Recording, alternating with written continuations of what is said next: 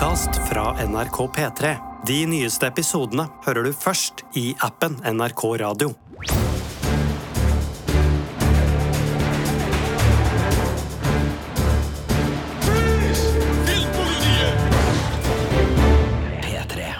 I Hollywoodifiseringsmaskina ender bøker, tegneserier og internasjonale filmer opp som polerte produkter uten skarpe kanter, med alle kulturelle særegenheter luka bort.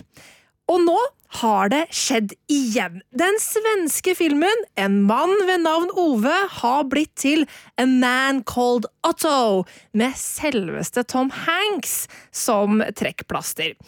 Sigurd, du har anmeldt A Man eh, Called Otto til en slapp treer på terningen. Ja, her spiller Tom Hanks Disney-versjonen av gretten gammel gubbe. Ok, og Vi skal høre hvorfor den ikke er bedre enn originalen i Filmpolitiets podkast i dag. Vi skal diskutere hvorfor Hollywood lager disse filmene. Og senere i episoden skal vi få tre eksempler på filmer som ikke ble bedre i Hollywood-drakt, og én som faktisk funker. Men først, la oss begynne da eh, med denne slappe treeren, eh, Sigurd. Eh, Fortell litt, hva er det som har skjedd her? Det som har skjedd, er at eh, filmen En eh, mann ved navn Ove, eh, som er basert på Fredrik Backmans bok med samme navn fra 2012, og som da ble Oscar-nominert for beste internasjonale film i 2016, har fått en Hollywood-versjon med Tom Hanks i hovedrollen. A Man Called Otto er, og det får vi vite med en gang, basert både på boka og filmen, og det er en del scener her som er skudd for skudd lik, eller så å si lik, den svenske svenske suksessfilmen. Så, så det, det ikke noe, legges ikke noe skjul på at uh, filmen her uh, skal ta vare på alt som gjorde en mann med navn Ove til, til populær. Uh, og i tillegg da så har den, som vi har vært inne på, slipt ned en del kanter og gjort seg sjøl veldig lett å like, og med sentimentale verdier som ja, vemod og gode gjerninger og litt sånn Hva skal man kalle det? Tårepersekvaliteter, så, så, så, styres vi gjennom det her. Og så er det jo uh, Tom Hanks, da, altså storstjerna, som, som, skal gjøre det her til like mye en Tom Hanks-film da, som en, uh, gjen, en nyinnspilling av den svenske suksessen. Ikke sant. Men uh, forklare litt hva som på en måte har blitt borte på veien her. fordi at du sier jo at dette her ikke er en film som forbedrer originalen på noe vis. Nei, og, og originalen handler jo da om en gammel gretten kar som har blitt enkemann. Han har mista sin kone, og han har bestemt seg for å ta sitt eget liv, og, og da gjenforenes med, med henne i det hensidige. Og akkurat idet han skal til å gjøre det, så duser det inn nye naboer i livet hans, og det blir starten da på en reise hvor sorg og, og den viljen da til, til å, å, gjøre slutt på det hele erstattes med, med livsglede. Og det er tatt videre her. Det er akkurat den samme grunnhistoria. Vi får også uh, se at uh, hovedpersonen, uh, som da heter Otto i denne nyinnspillinga, blir venn med en katt. Litt motvillig, men, men, katten er viktig for å gi den rette dosen søthet. Og så er det et, et fiendebilde. Altså, det er no, no, altså, Han bor jo i et nabolag og er litt sånn der Narvestad, for å si det med et norsk eksempel. Altså, han er en sånn som legger seg borti hvordan nabolaget skal være, og går runder hver morgen og passer på at nabolaget er akkurat i, i hans oppfatning ja, veldig. Eh, og, og, den eh, biten gjør jo at han har noen um, fiender som kan bli venner på sikt, og, og det å samle hele nabolaget mot en, en, felles fiende skjer jo egentlig i begge filmene, men spesielt i Hollywood-versjonen.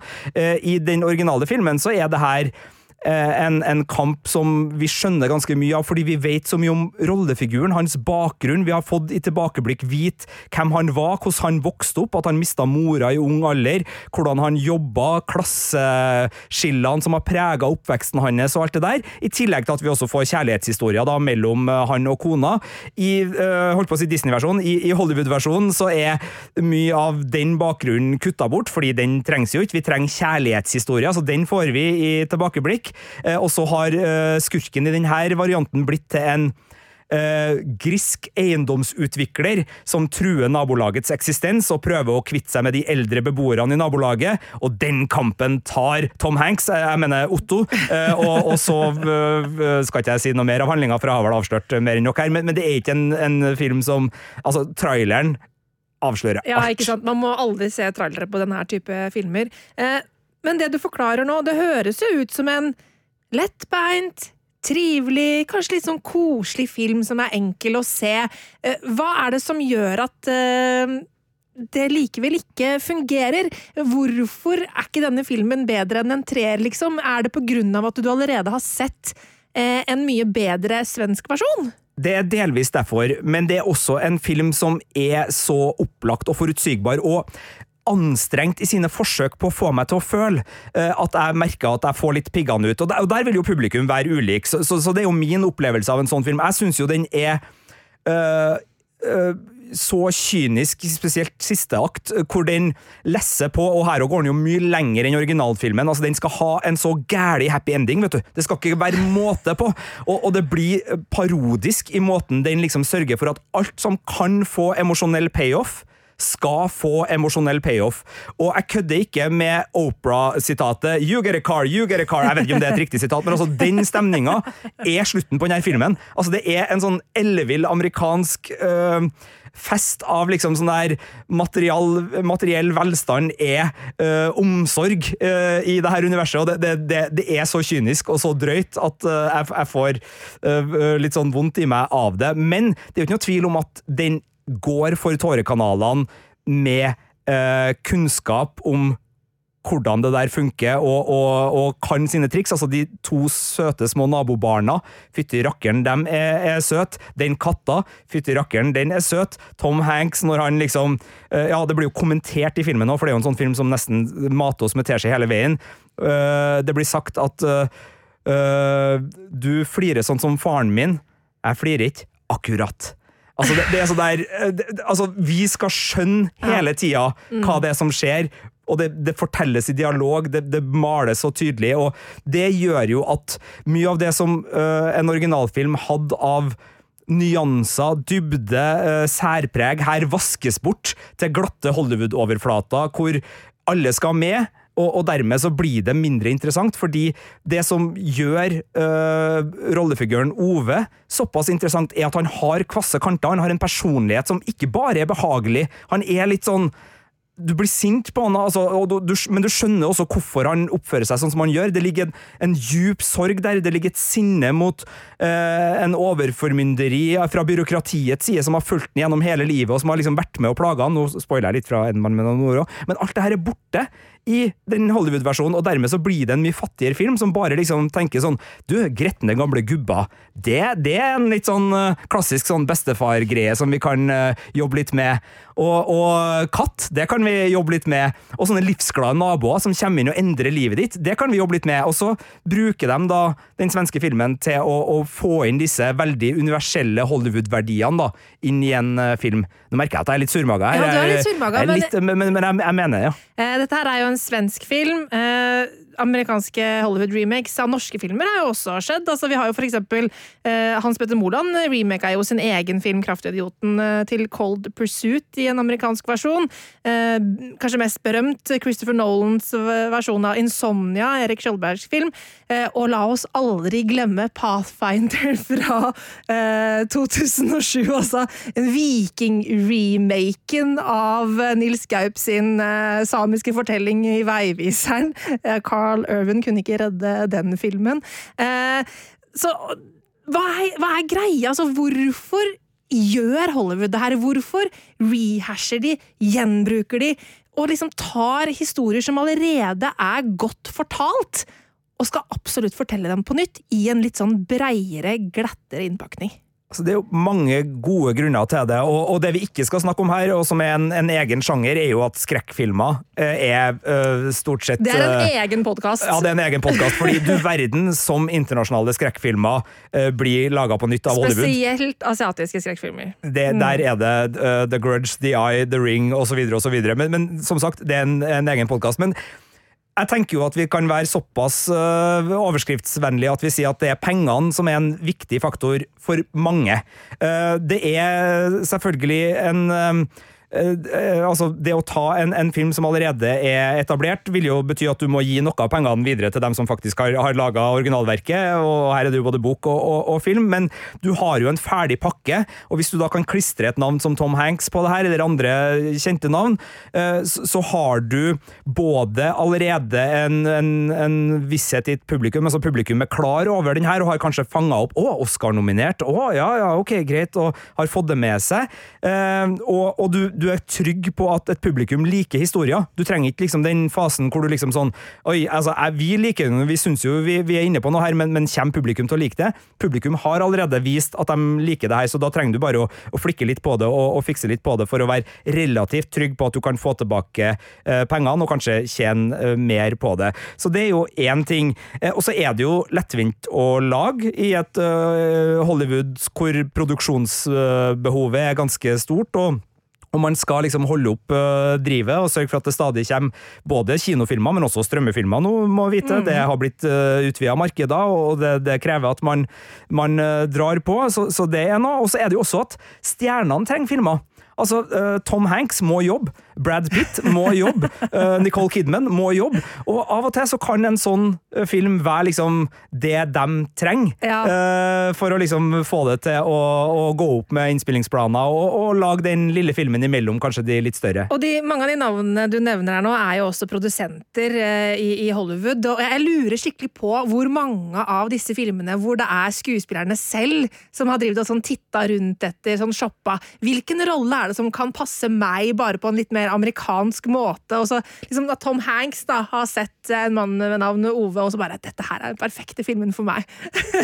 Altså, vi, jeg tror det skjer. Vi har jo ikke hatt uh, kontakt med Tom Hanks i det siste. nei, det må vi jo ærlig innrømme, så, så, det vet vi jo ikke. Men, men, han er produsent på den filmen her, ikke ja, Ja, ja, nei, det, det, vi skal ikke legge sammen én og én og, og, få to her, men, men ja, nei, det, det, kan jo være. Men det er klart, det, Som jeg sa, altså det er jo like mye en Tom Hanks-film, det her, mm. så det er. Klart Det kan godt være at det er rekkefølgen. Altså at uh, agenter og, og, studioer tenker sånn Vi skulle hatt et godt prosjekt til denne store stjerneskuespilleren nå. Eh, er det noe der ute, enten eh, av nye manus, eller er det eventuelt noe, noe remake som ligger og lurer, som kan mm. være gunstig uh, å, å, plukke opp her? Nytt publikum er selvfølgelig en, en vesentlig del her, og, det, de henger jo sammen, de bitene her, men det, hvis du vet at et lokalt publikum har elska noe, så er det jo ikke utenkelig at et internasjonalt publikum vil like det, og, og litt av grunnen til at Hollywood-versjonene ofte blir Eh, litt sånn eh, nedvaska og, og, og slipt bort kantene på, er jo fordi at de skal fungere i veldig mange markeder. Både det amerikanske, selvfølgelig, men også uh, det her er jo en film som blir satt opp på kino i store deler av verden, og, mm. og mange av de her storsatsingene er jo sånne filmer, og da må de jo være universelle for nye publikum i mange markeder. Ja, og det er jo sånn, Hvis jeg skal se litt på det med snille øyne, da, så er det jo det å, å åpne opp en fortelling for folk som på en måte kanskje ikke hadde oppdaget en god historie fra et eller annet uh, lite land, som for eksempel Norge, da, ikke sant, eller Sverige, og, få oppleve denne historien uh, tilpasset seg. Men det er jo også Så det er jo på en måte fint, det fine ved det, at mennesker kan oppdage nye fortellinger. Um, men Og det er jo noen kulturelle forskjeller der. sånn som Vi er jo vant til å se filmer med tekst, ikke sant. Eh, mens i USA så er jo det helt sånn herregud, har du på teksting på filmene dine, er du sjuk i huet, på en måte. Altså, det er jo bare idioter som ser, uh, som ser filmer med tekst. Altså, det, er, det, er, jo sånne ting man ja, hører. Eh, løst basert på forskning du har gjort ja, i USA, eller anekdotiske bevis? Jeg har sett folk si det! helt på ekte. Men, men det, er jo, det er jo ofte en gjenganger at amerikanere ikke liker teksting på film. Um, så det kan jo hende at det har noe med det også, at når man er så vant til å uh, forstå Altså bare at alle forstår deg, uh, så er det ikke kanskje like lett å sette seg inn i et annet språk. Uh, sånn som for oss, så er jo på en måte veldig mye film på et annet språk enn en vårt eget, og da er det jo litt lettere å forholde seg til film som kommer i alle mulige rare forskjellige eh, språkdrakter. Ja, og, og, to ting også i forlengelsen av det du sier, for uh, nå har jeg vært jeg gira meg sjøl opp her i, i Man Called Otto-vibben, og, og, og, jeg har vel et sånt iboende sånn Jeg, jeg blir litt begeistra når det går an å liksom ta Hollywood for noe. Jeg vet ikke hva det er i meg, men, men, men det er jo mer enn Det går litt sport i det òg. Vi elsker Hollywood, men vi elsker også å hakke på Hollywood. Ikke sant? Samme med Disney. Veldig lett å, å hakke på Disney, ja. men, men, det er jo av og til gode grunner til det. Men både det at Uh, en del av uh, lokale produksjoner som får Hollywood-behandling, er jo kanskje laga på et budsjett og på en måte som gjør at ikke, altså at det kanskje ikke har nådd sitt fulle potensial òg. Mm. Så, så en variant er jo at noen i Hollywood ser at her er det noe, men jeg kan gjøre det enda bedre, og det gjelder jo ikke bare nyinnspillinger, det gjelder jo alt det du nevnte i innledninga her, som, som, det inspireres av, enten det er en kortfilm eller det er en tegneserie, eller det, altså at man liksom sånn, her er det noe som, som jeg kan øh, gjøre større og bedre uh, ved ja. å, å, bruke spillefilmens uh, totale arsenal av muligheter til å fortelle historier. At det er ekte kunstneriske ambisjoner bak. Og der er det siste punktet, at det er jo en del som, bare har, som, som, blir inspirert, og som har lyst til å lage sin versjon av det. Og ta nå Insomnia, da, eh, den norske filmen fra 1997 som Christopher Nolan da lager mm. en ny versjon av igjen, da, eh, det her, vi vet jo ikke, men altså, jeg, jeg ser jo for meg at, at, Christopher Nolan så et eller annet i, i Skjoldbergs film og tenkte at det her eh, inspirerer meg til, til, å lage min egen eh, versjon, og, og, den her har jeg lyst til å lage med mitt filmspråk. Mm. Eh, så, så, så, og det, det, det, er vel ikke sånn at det ene er kun det ene. altså Det er vel litt penger, litt kunstneriske ambisjoner, litt sånn inn i alle filmene i mer eller mindre grad. Sånn at jeg tror nok også Mark Forster, da, som har regissert eh, A Man Called Otto, har kunstneriske ambisjoner. Eh, men jeg tror nok han er mer på jobb for å lage en, en storproduksjon som skal fylle en viss del kriterier som er satt fra bransjen. Der jeg velger å tro at Christopher Nolan kanskje jobba mer ut fra sine filmatiske overbevisninger, men, men her gjettes det i, i Filmpolitiets podkast, så her skal vi kanskje runde av. Men det er mange grunner, og av og til så blir det veldig bra, men ofte så blir det også litt sånn dårligere versjoner mm. av originalene. Ja, og A Man eh, Called Otto var en ny versjon vi ikke trengte. Eh, og vi skal komme med noen eksempler på, på remakes vi virkelig ikke trengte. Og jeg har lyst til å komme med et eksempel som er en fransk film, som heter De urørlige. Fantastisk film fra 2011. Jeg vet at den fikk i hermetegn bare eh, terningkast fire av vår tidligere kollega Andreas Hadsel Opsvik da han anmeldte den for Filmpolitiet eh, i 2011. Men dette er en film som jeg har sett flere ganger, som jeg personlig er veldig, veldig glad i. Og den fikk jo da en remake i 2017 eh, som heter The Upside. Og i likhet med en Man Called Otto var det en remake vi virkelig ikke trengte. Og i likhet med A Man with Herregud. A Man with the Name Called Otto, altså A Man Called Otto, så hadde den en skuespiller i hovedrollen eh, som på en måte tok over eh, filmen lite grann, eh, nemlig Kevin Hart. Fordi du sa at Otto er en Tom Hanks-film, og The Upside har blitt en Kevin Hart-film. og da er det noe som skjer med måte den originale fine grunnhistoria når det er en skuespiller som skal fronte en film på den måten. Så du tenker da at de som laga De urørlige, eh, ikke gjorde det med tanken om at det her skal en gang bli en Kevin Hart-komedie? nei, det tror jeg ikke. Det, det, kan være at du har rett i det. Og hvis ikke du har sett den, eh, De urørlige handler da om den styrterike fyren eh, Philip, spilt av Francois Cluzette. Han blir lam fra halsen og ned, mister liksom gnisten på livet og er en ganske bitter type. Han trenger da en personlig assistent, fordi han trenger jo hjelp til alt han skal foreta seg. Og så er det da Omar Sy som spiller en fyr som heter Driss, som er litt sånn der eh, trygdesnylter, dukker opp på jobbintervju ikke for å få jobben, men bare for å få den underskriften han trenger for å liksom levere til trygdekontoret, sånn at han skal få penga sine, men ender selvfølgelig opp med denne jobben, eh, og, og de to eh, jobber i starten litt sånn motvillig med hverandre, og utvikler da et vennskap etter hvert. Og dette er en film som Det er ikke en veldig, veldig dyp film, den franske originalen heller, men det er, det er en film som klarer å si noe om altså, klasseskiller i Frankrike, som klarer å skape et vennskap mellom disse to menneskene som man faktisk tror på, eh, og som rører deg på en sånn ekte måte. Eh, mens den amerikanske versjonen eh, har jo hjertevarme og lunhet, den også, men det er en mye mer sånn komediedrevet Kevin Hart-film som, som, ikke evner å gå noe som helst i dybden på tematikken. Jeg har bare sett litt av den filmen, men uh, der spiller jo uh, Walter White, holdt jeg på å si. Altså Brian Cronston uh, ja. spiller jo da den rike personen i, i rullestol, og spiller jo også den på en ganske sånn typisk måte for seg. Så det er jo to skuespillere egentlig her som, ja, som, som blir veldig synlig, i hvert fall i, i starten av filmen. Det, det jeg så på den som, som, som liksom løfter den inn i det velkjente for publikum. Ja. Hvor det er sånn å, det, å, Kevin Hart spiller en sånn rolle, å, Brian Cranston spiller en sånn rolle. Og, og, Det er sånn kjent og kjært. og Det er klart det har kvaliteter, men det gjør jo noe med øh, historien, og det gjør jo noe med opplevelsen av det. Men øh, sånn Der uh, Hollywood uh, sliper bort kanter, så kan de jo også ende opp med å gjøre det så formelbasert, eller mhm. så ordinært og så liksom likt andre ting at du mister særpreget, og du på en måte går gjennom en en, en, sånn uh, trope som er god hvis den fylles med autentisk innhold som oppleves ektefølt, men som også kan oppleves hul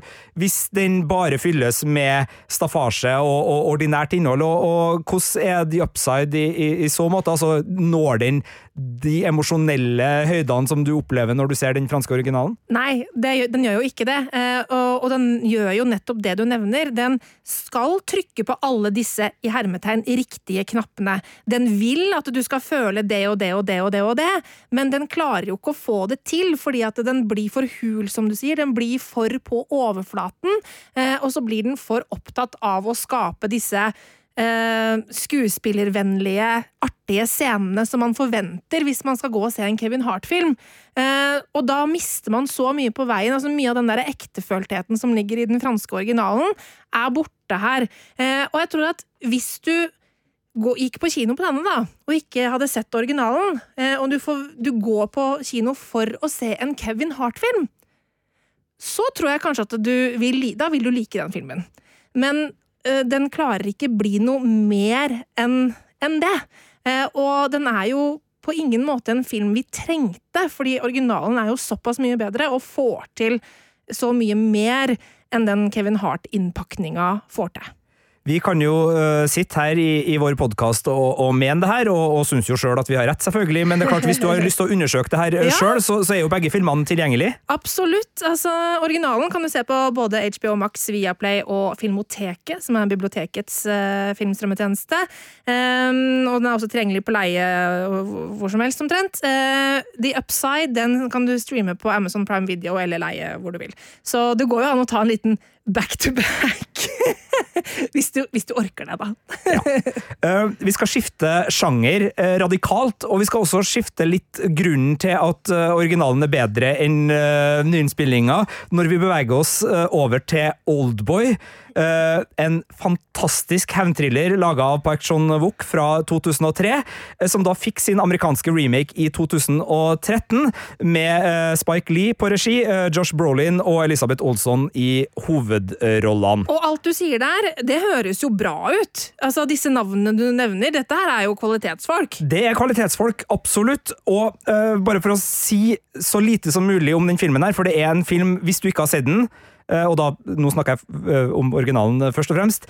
Altså, det er en neonoir hevntriller om en mann som holdes fanga i 15 år uten å vite hvorfor, og så blir han sluppet fri og må da søke både svar og hevn, og så er det veldig mange overraskelser inni det her, eh, som, som, gjør det til en film som definitivt eh, eh Nå har jeg spoila litt av Man Called Otto tidligere i den podkasten her, og skjemmes ikke så mye over det, fordi det ødelegger ikke nødvendigvis filmen. Nei. Men hvis jeg sier noe mer om Oldboy, så kan det ødelegge filmopplevelsen på en måte som, som jeg ikke ønsker å, å gjøre for noen. Så, så vi holder det der, men det er en poetisk, blodig eh, forstyrrende, opprivende, vanskelig uh, film som er full av herlige skuespillerprestasjoner. Det er noen actionsekvenser her som har blitt stående som noen av de, de mest uh, iøynefallende uh, variantene. Spesielt en korridorslagsmålscene som er ja, det, den det er det mange som har sett, selv om de ikke har sett filmen. fordi den,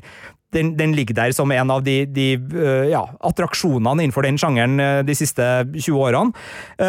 og, og Park Chan-wook har jo også det her er jo del to i en hevntrilogi han laga filmer som hadde Sympathy for Mr. Vengeance som første film fra 2002. og Lady Vengeance fra 2005 var det vel eh, som bokenda for, for den her, på en måte. Og ja, jeg, jeg, kan ikke si noe annet enn at det her er bare en, en fantastisk film som virkelig rører som kunstverk. altså Den går langt utover å bare fortelle hovedhistoria si. Den gjør det med et filmspråk som, som beveger, og som uh, gjør at når uh, rulleteksten kommer, så sitter du igjen med så mye å tenke på, så mye å føle, og så mye opprivende og forstyrrende i brystkassa at uh, det er et bevis på hvor sterk film kan være. Mm.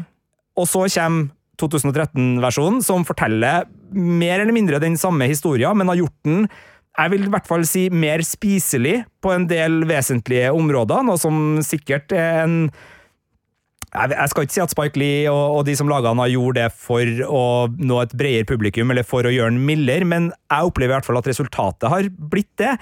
Uh, Josh Brolin er en uh, skuespiller jeg har stor sansen for. Han gjør veldig mye bra.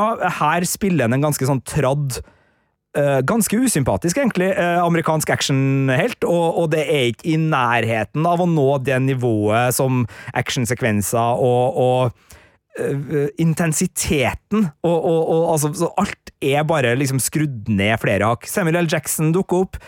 Kul nok uh, rolle som virker mer uh, hjemme i en Tarantino-film kanskje enn i denne her, men, men han er nå der, og det, det, er liksom ting inni her som du tenker sånn Ja, ja, selvfølgelig er de avgjørelsene her tatt, og selvfølgelig er de her skuespillerne spurt, og, og Spike Lee har sydd det sammen på et veldig sånn solid på en solid måte, men det er bare så langt unna mm. det den tar utgangspunkt i. Og den blir en sånn helt sånn uh, terningkast uh, tre, kanskje terningkast to actionfilm, hvis du ikke hadde sett Såpass dårlig? Jeg har ikke sett den nye. Nei, altså, det, det, er, kanskje, det er jo prega av at jeg Altså, jeg har jo aldri hatt muligheten til å se 2013-utgaven uten å kjenne historien fra før. Eh, så det er mulig at de overraskelsene den tar med seg videre fra originalen, ville ha fungert på et publikum som ikke hadde sett originalen. da. Det som også er litt spennende, er jo at en del filmer er jo veldig sånn den har nok ikke veldig mange i USA sett, eller den har nok ikke veldig mange i verden sett, for den er veldig lokal. Oldboy vart jo, mm. altså den vant Grand Prix i Cannes-festivalen. Uh, Tarantino, som da var juryformann, uh, hausa opp. Altså, det var jo ikke noe, noe ukjent film. Er du uh, opptatt av god actionfilm, så hadde du fått med deg den, selv om selvfølgelig man kan utvide publikummet. Så, så mange hadde nok sett den før de så den her, og, og det gjør jo noe og Filmen vrir jo litt på det, sånn at det ikke skal være akkurat den samme, men, men de store, store refrengene er, er, det samme, bortsett fra der det har kanskje blitt uh, slipa litt i kantene. For det er jo nok et sånt eksempel på det derre spørsmålet, da. Trengte vi denne filmen? Jeg føler at det er så mange av de eksemplene.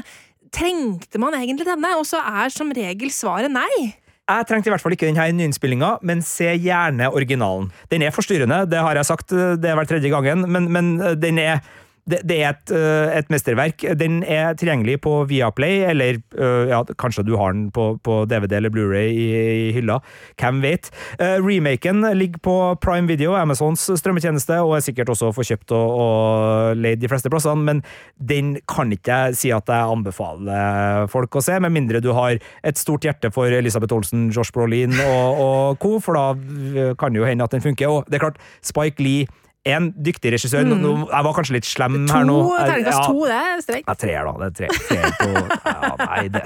Sammen, sammenligna med Ja. ja. Sammenligna med mesterverket, så blir det en toer. Ja, vi, vi, vi, vi skulle jo ikke gi sånn. terningkast her nå! Fra Silvik! Gå videre, Marte Hønstad. Gå videre. Jeg går videre. Eh, vi skal eh, til en film som Eh, er faktisk, eh, på det tidspunktet hvor denne remaken kom, eh, eller skulle komme, tenkte at dette trenger vi kanskje, fordi det er rett og slett en live action-versjon av en uh, animasjonsfilm, og det kan være gøy. Uh, men det ble dessverre ikke det, uh, da Ghost in the Shell, live action med Scarlett Johansson i hovedrollen, kom i 2017 basert da på eh, opprinnelig mangaserien, men også da filmen Ghost in the Shell fra 1995, animasjonsfilmen.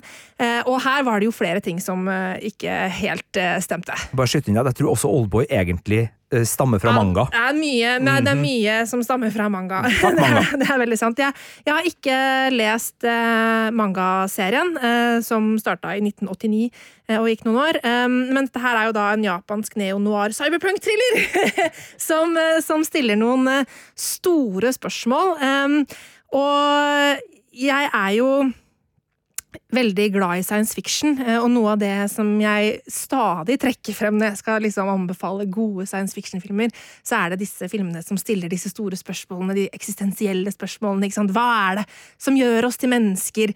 Hva skjer når vi blir en del av teknologien selv? Eh, Hva er forskjellen på maskin og menneske? Alle disse tingene syns jeg er kjempespennende å utforske, eh, og det var en av grunnene til at jeg elska Ghost in the Shell animasjonsfilmen da jeg så den for første gang. Ehm, den nye versjonen den fikk eh, faktisk ternekast fire eh, av Birger Vestmo her i Filmpolitiet. Eh, og det var mye av det visuelle, altså storslagenheten i hvordan ting så ut. Han, han snakka om at han likte veldig godt hvordan måte filmen skildra hvordan en asiatisk storby kan se ut i, i fremtid, men ikke sånn veldig, veldig fjern fremtid. Men så har jeg bare lyst til å lese fra, fra Birgers anmeldelse her, fordi det var så spot on. Den underleggende tematikken om sjelesøk i grenselandet mellom menneske og maskin er imidlertid utforska bedre og grundigere før, både i kildematerialet og eh, filmer som Ghost in the Shell slekter på. Og da er vi jo tilbake i den gropa igjen, ikke sant, hvor man skal lage noe nytt, men man får ikke til å forbedre det. Eh, og noe av det som denne filmen her gjorde, var jo å gi hovedpersonen Major en ny bakhistorie eh, for å forsøke å gjøre noe nytt. Men det som filmen endte opp med å gjøre da, var å istedenfor å ha fokus på disse store spørsmålene og bruke hovedpersonen som en inngang til det, bare fokuserte på hovedpersonen eh, og hennes søken etter svar på, personlig plan, med da Scarlett Johansen i hovedrollen, stjerna Scarlett Johansen, i da rollen som en japansk kvinne. Og så er det jo noe som skjer i denne filmen som er årsaken til dette valget som filmskaperne da har valgt å gjøre. Det er liksom en grunn til at de har valgt en hvit uh, hovedrolle, men det er jo uh, likevel ikke noen tvil om at dette er et uh, veldig stort eksempel på whitewashing, som ble tatt ekstremt dårlig imot av alle som hadde noe som helst forhold til originalen, men også uh, som på en måte har satt seg inn i sjangeren i det hele tatt. Altså, det var jo ikke, ikke bra i det hele tatt. Um, så det var jo noe som ødela veldig mye for filmen det, før den kom. Um, men hvis vi på en måte skal prøve å se gjennom fingrene på det som ikke er så bra på den fronten, så, så er jo heller ikke historien som fortelles, like sterk. Eh, som nevnt så klarer den ikke gå inn i materien på samme måte som originalverket, og den mister veldig mye på veien eh, fra manga og animasjonsfilm til da denne spillefilmen. Og det tror jeg handler mye om det som vi har vært inne på i dag, dette fokuset på stjernefaktor. Fordi dette er Scarlett Johansson. De eh, trengte en stor stjerne i rollen. De skriver om fortellingen, sånn at hun skal få mer å spille på, sånn at hun skal bli mer i fokus på en annen måte enn i den originale fortellingen. Eh, og da mister de så mye på veien. Jeg har jo lyst til å utfordre deg, Marte Hedenstad, siden du satte meg i en skikkelig terningknipe eh, ved forrige film. Birger ga terningkast fire. Hvilken terning gir Marte Hedenstad uh, til uh, da nyinnspillinga uh, av Ghost in the Shell fra 2017? Ikke sant? Og da, og da får man jo lyst til å, å slå til med et ekstremt dårlig terningkast, veldig mye på grunn av skuespillervalg og den endringen i historien som, som de da bruker for å begrunne endringen eh, når det gjelder eh, skuespillerens et etnisitet. eh, det er jo det er krise, liksom. Eh, Så det, er, det trekker ned mange hakk på terningen. Eh, Men så er jeg jo enig med det Birger skriver, at den ser jo Den er visuelt storslagen. Eh, Så jeg tipper at hvis det var jeg som hadde anmeldt ah, Terningkast tre, kanskje? Jeg tror ikke jeg hadde fått det i meg til å gi, meg eh, til å gi den terningkast to, fordi at jeg er en person, eller jeg er en filmgåer, da, som blir veldig grepet av det visuelle formspråket til filmer. Eh, Sånn at eh, det hadde sikkert kanskje vippa den opp, men det spørs litt på sånn Når vi sitter og skriver anmeldelser, når litt liksom behind the scenes her, så hender det jo at vi henger oss opp i ting. Og hvis jeg hadde da begynt å skrive om whitewashing-aspektet ved filmen, og latt meg, og så hisser jeg meg opp ikke sant, mens jeg skriver, for det, det skjer av og til. Enten at man blir, mer og mer begeistra for noe mens man skriver, ja, ja, det er så bra, ja! ja og så liksom blir man mer og mer gira. Eller så kan man bli sintere og sintere når noe er dårlig, og da, og da kan man jo sitte igjen og være superforarget, og så smelle en toer i bordet, eksempel. Eh, Så det er litt vanskelig å si uten at man har skrevet anmeldelsen selv, men sånn ved første øyekast så had, kan jeg se for meg en treer, og så kanskje den hadde blitt vippa ned hvis jeg hadde vært ekstra sint den dagen. Og originalen fra 1995, eh, hvor ligger vi igjen der? Det, det er jo også Basert på den første gangen jeg så den, um, da var jeg kanskje i 20-åra en plass, så var det en sånn terningkast seks-opplevelse for meg. Ehm, så ja, det er en veldig, veldig bra film. Jeg har jo ikke sett det, Ehm, så jeg vet jo hvilken av meg nå går for. Eh, Det, det gjør jeg jo. Er er det mulig å få se dem? eh? Det er det selvfølgelig. Eh, Den filmen du skal se, som er originalversjonen, den ligger da på Prime Video, altså Amazon Prime Video, og tilgjengelig på til leie diverse steder. Så vi, vi kan holde det der. Det er eh, greit. Uh, vi har jo snakka nå om uh, egentlig fire, da, men, men tre uh, litt sånn eksempler på at eh, Hollywood-versjonen ikke er bedre enn den originalen, som da eh, har gjeldt eh, ja, en svensk film da, med, med en mann med navn Ove, og så var det en eh, sørkoreansk en med Oldboy, det var en japansk en med Ghost in the Shell, og det var en fransk en med De urørlige. Men vi må jo erkjenne at det her er jo håndplukka eksempler på det som ikke har fungert, og det fins eksempler som fungerer, så vi skal avslutte med en som jeg har plukka ut, eh, men der er heldigvis Birger sin anmeldelse veldig fin å ha, fordi han skriver Kopien er bedre enn originalen i overskrifta til anmeldelsen The Girl with the Dragon Tattoo fra 2011, som da er en ja, bokbasert, for så vidt, av Stig Larssons eh, millenniumstrilogi, men også da basert på, på filmen Menn som hater kvinner fra 2009, den svenske nok en gang der. Og det er David Fincher som eh, laga The Girl with the Dragon Tattoo. Det var vel filmen han gjorde etter The Social Network, som kom året før. Og jeg er enig med Birger. Her er faktisk Fincher-versjonen en bedre film okay, enn den svenske, syns jeg. Det er veldig fascinerende. Eh, Jeg liker jo Fincher veldig godt som filmskaper, eh, men jeg har ikke sett denne amerikanske varianten. Eh, Så da må du forklare meg, hvorfor er dette en bedre film, og hva legger du i det når du sier det? Altså, det er to gode filmer. Det er viktig å få fram. Altså, det, det her er ikke sånn at originalen er dårlig på noe som helst vis. Jeg likte den kjempegodt. Og, og som Lisbeth Salander så er Nomi Rapaz uh, bedre enn Rooney Mara, som da spiller i, i Fincher sin versjon, sjøl om uh, Rooney Mara ble Oscar-nominert for sin, sin innsats her. Men jeg tror grunnen til at jeg liker den bedre, er bare at her får David Fincher gjort det til en David Fincher-film. Eh, og da er vi inne på det med, med liksom øh, øh, hvilken retning man tar det. Altså, gjør man det til en mer polert Hollywood-utgave som Ja. skal nå et bredere publikum ved å fjerne ting, eller legger man til ting som kunstner som gjør at det blir uh, behandla av en som øh, gir det særpreg og gir det en, en annen smak, og dermed øh, gjør kunstverket annerledes, men fremdeles ut fra kunstneriske ambisjoner, først og fremst kanskje enn Jeg sier ikke at det ikke var økonomiske ambisjoner i, i prosjektet her, men, men, det er bedre. Og så er det jo, altså, øh, for å ta det, altså, øh, Daniel Craig, øh, et, en, et godt skuespilleremne å, å jobbe med der.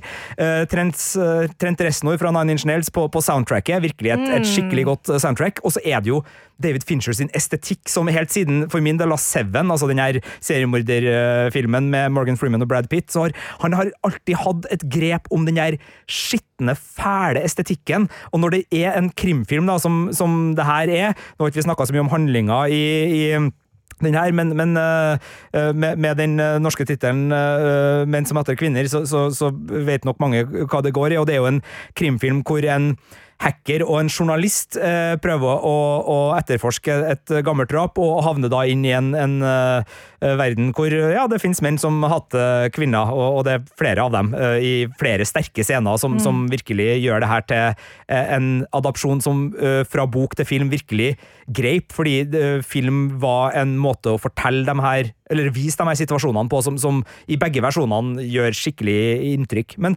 nei, Fincher han, han har bare liksom klart å gjort det til en Fincher-film med sin estetikk, uh, estetikk, og sine stilgrep. Han har et A-lag av skuespillere som gjør at uh, den delen blir løfta og det er ikke til forkleinelse for noen som spilte i den andre, men altså det er bare et veldig gjennomgående høyt nivå.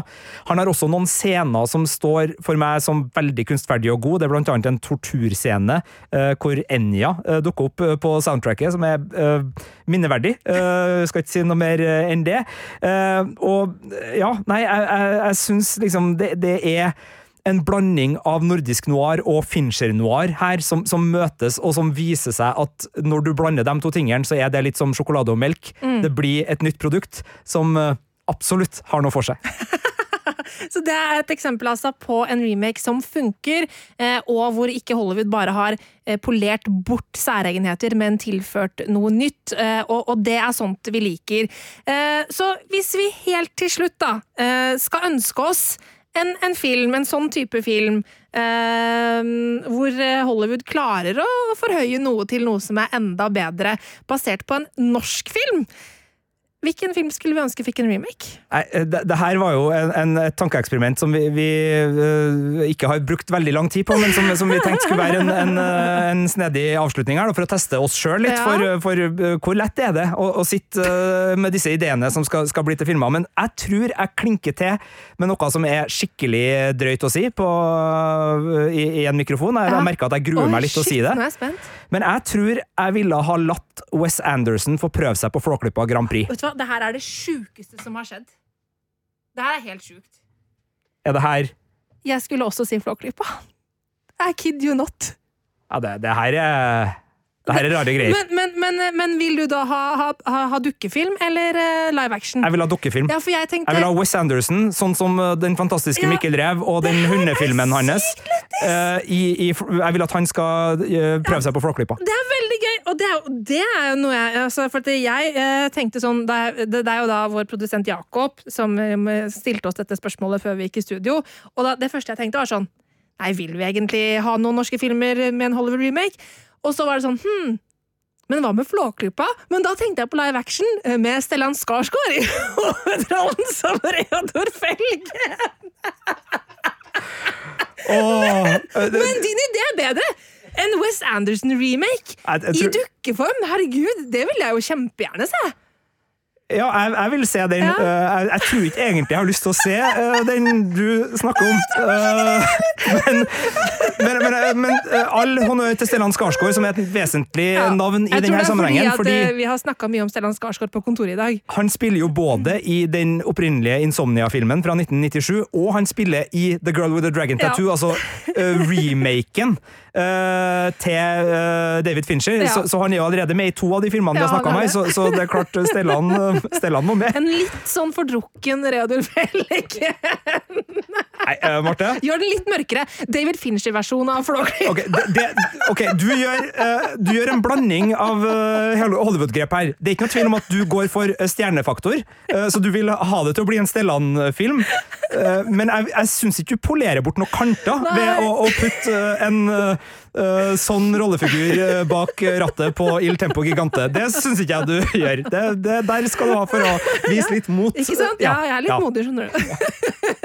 Men for all del, eh, jeg tror ikke at vi kommer til å se noen av disse filmene her noensinne eh, i Hollywood-drakt, men Wes Anderson-versjonen av Flåklypa, altså, den, den er ikke dum. Og bare for å oppsummere, hvis du absolutt vil se uh, Man Called Otto, så gjør du det på kino. Originalen En mann ved navn Ove ligger på HBO Max, TV2 Play og Prime Video.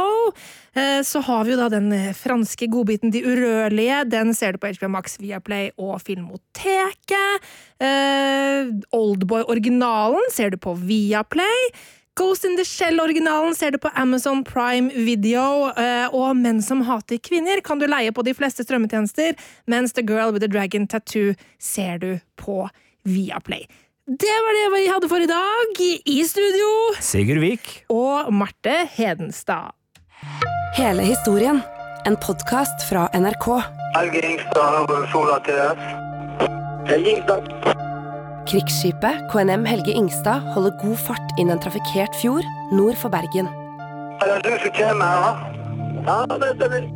Midt imot kommer det store tankskipet Sola TS, fullastet med olje.